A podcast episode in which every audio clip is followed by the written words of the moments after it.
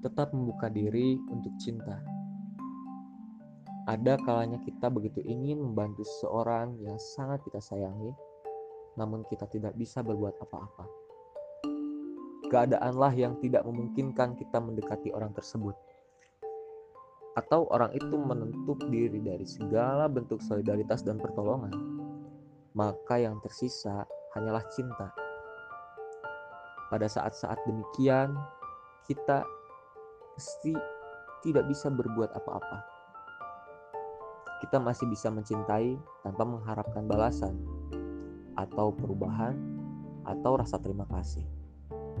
Dan saat kita mencintai, maka energi cinta ini akan mulai mentransformasi semesta di sekitar kita. Di mana pun energi itu berpijar, dia akan selalu sampai pada saran-saran. Dia akan selalu sampai pada sasaran-sasarannya. Seperti dikatakan oleh Henry Drummond, waktu tak bisa mengubah manusia. Tekad kita tak bisa mengubah manusia, tetapi cinta bisa. Saya pernah membaca di surat kabar tentang seorang gadis kecil di Brazil yang dipukuli habis-habisan oleh kedua orang tuanya. Akibatnya dia menjadi lumpuh dan tidak bisa berbicara. Setelah dibawa ke rumah sakit, gadis kecil itu ditangani oleh seorang perawat. Dan setiap hari, perawat ini berkata kepadanya, "Aku sayang padamu." Walaupun dokter-dokter yang mengatakan anak itu tidak bisa mendengar dan semua usaha perawat itu sia-sia. Si perawat tetap berkata, "Jangan lupa, aku sayang padamu." Tiga minggu kemudian, anak itu sudah bisa mendengar, menggerakkan tubuhnya. Empat minggu kemudian, dia bisa berbicara dan tersenyum kembali.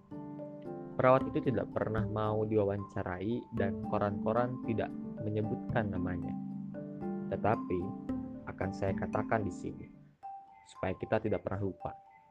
Cinta bisa menyembuhkan. Cinta bisa mengubah dan menyembuhkan. Tetapi ada kalanya cinta juga membuat jebakan-jebakan mematikan.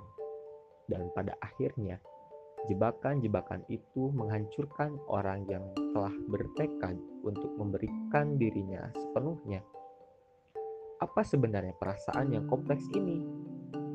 perasaan yang jauh di dalam hati kita menjadi satu-satunya alasan kita untuk tetap hidup, berjuang, dan memperbaiki diri. Akan gegabah sekali seandainya saya mencoba mendefinisikan perasaan ini, sebab saya, seperti halnya orang-orang lain, hanya bisa merasakannya.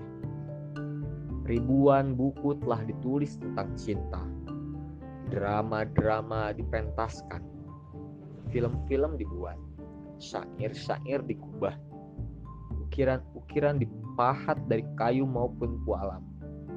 Namun, yang mampu disampaikan para seniman hanyalah gagasan tentang cinta, bukan perasaan cinta itu sendiri. Tetapi saya telah belajar bahwa perasaan ini hadir dalam hal-hal yang sederhana dan memanifestasikan dirinya dalam tindakan-tindakan yang paling sepele. Karenanya, cinta ini perlu kita simpan senantiasa di dalam pikiran kita. Entah kita melakukan suatu tindakan atau tidak. Sewaktu mengangkat telepon dan mengucapkan kata-kata penuh sayang yang selama ini kita tunda-tunda, sewaktu membukanya Sewaktu membukakan pintu untuk seseorang yang membutuhkan bantuan kita, sewaktu menerima sebuah pekerjaan, berhenti dari suatu pekerjaan, mengambil keputusan yang selama ini ditangguhkan, meminta maaf atas kesalahan yang kita perbuat dan selama ini mengusik pikiran kita. Menurut apa yang menjadi hak kita, membuka rekening di toko bunga setempat yang jauh lebih penting daripada toko perhiasan menyetel musik keras-keras ketika orang yang kita sayangi sedang tidak di rumah, dan mengecilkan volumenya kalau dia sedang berada di dekat kita. Tahu kapan meski berkata ya dan tidak, sebab cinta ikut bekerja sama bersama seluruh energi kita. Mencari olahraga yang bisa dilakukan berdua, tidak mengikuti resep apa pun, tidak juga resep yang dituliskan diri sendiri. Sebab cinta membutuhkan kreativitas, dan kalau semua ini tidak memungkinkan, kalau yang tersisa hanyalah kesepian, maka ingatlah kisah berikut ini yang pernah dikirimkan seorang pembaca saya. Sekuntum mawar memimpikan kumbang-kumbang siang dan malam, namun tidak pernah ada seekor kumbang pun yang hingga padanya. Namun bunga itu tak berhenti bermimpi. Pada malam-malam panjang, dia membayangkan langit penuh kumbang yang terbang turun untuk memberikan kecupan-kecupan sayang kepada dirinya. Dengan demikian, dia sanggup bertahan hingga keesokan harinya dan kembali membuka kelopak-kelopaknya untuk menerima sinar matahari.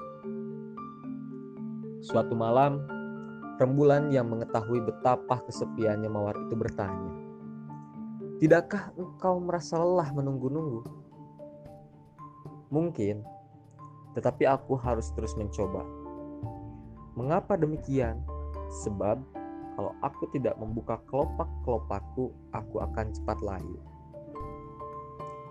Kadang-kadang, bila kesepian telah merenggutkan semua keindahan, satu-satunya cara untuk bertahan adalah dengan tetap membuka diri. Paula Coelho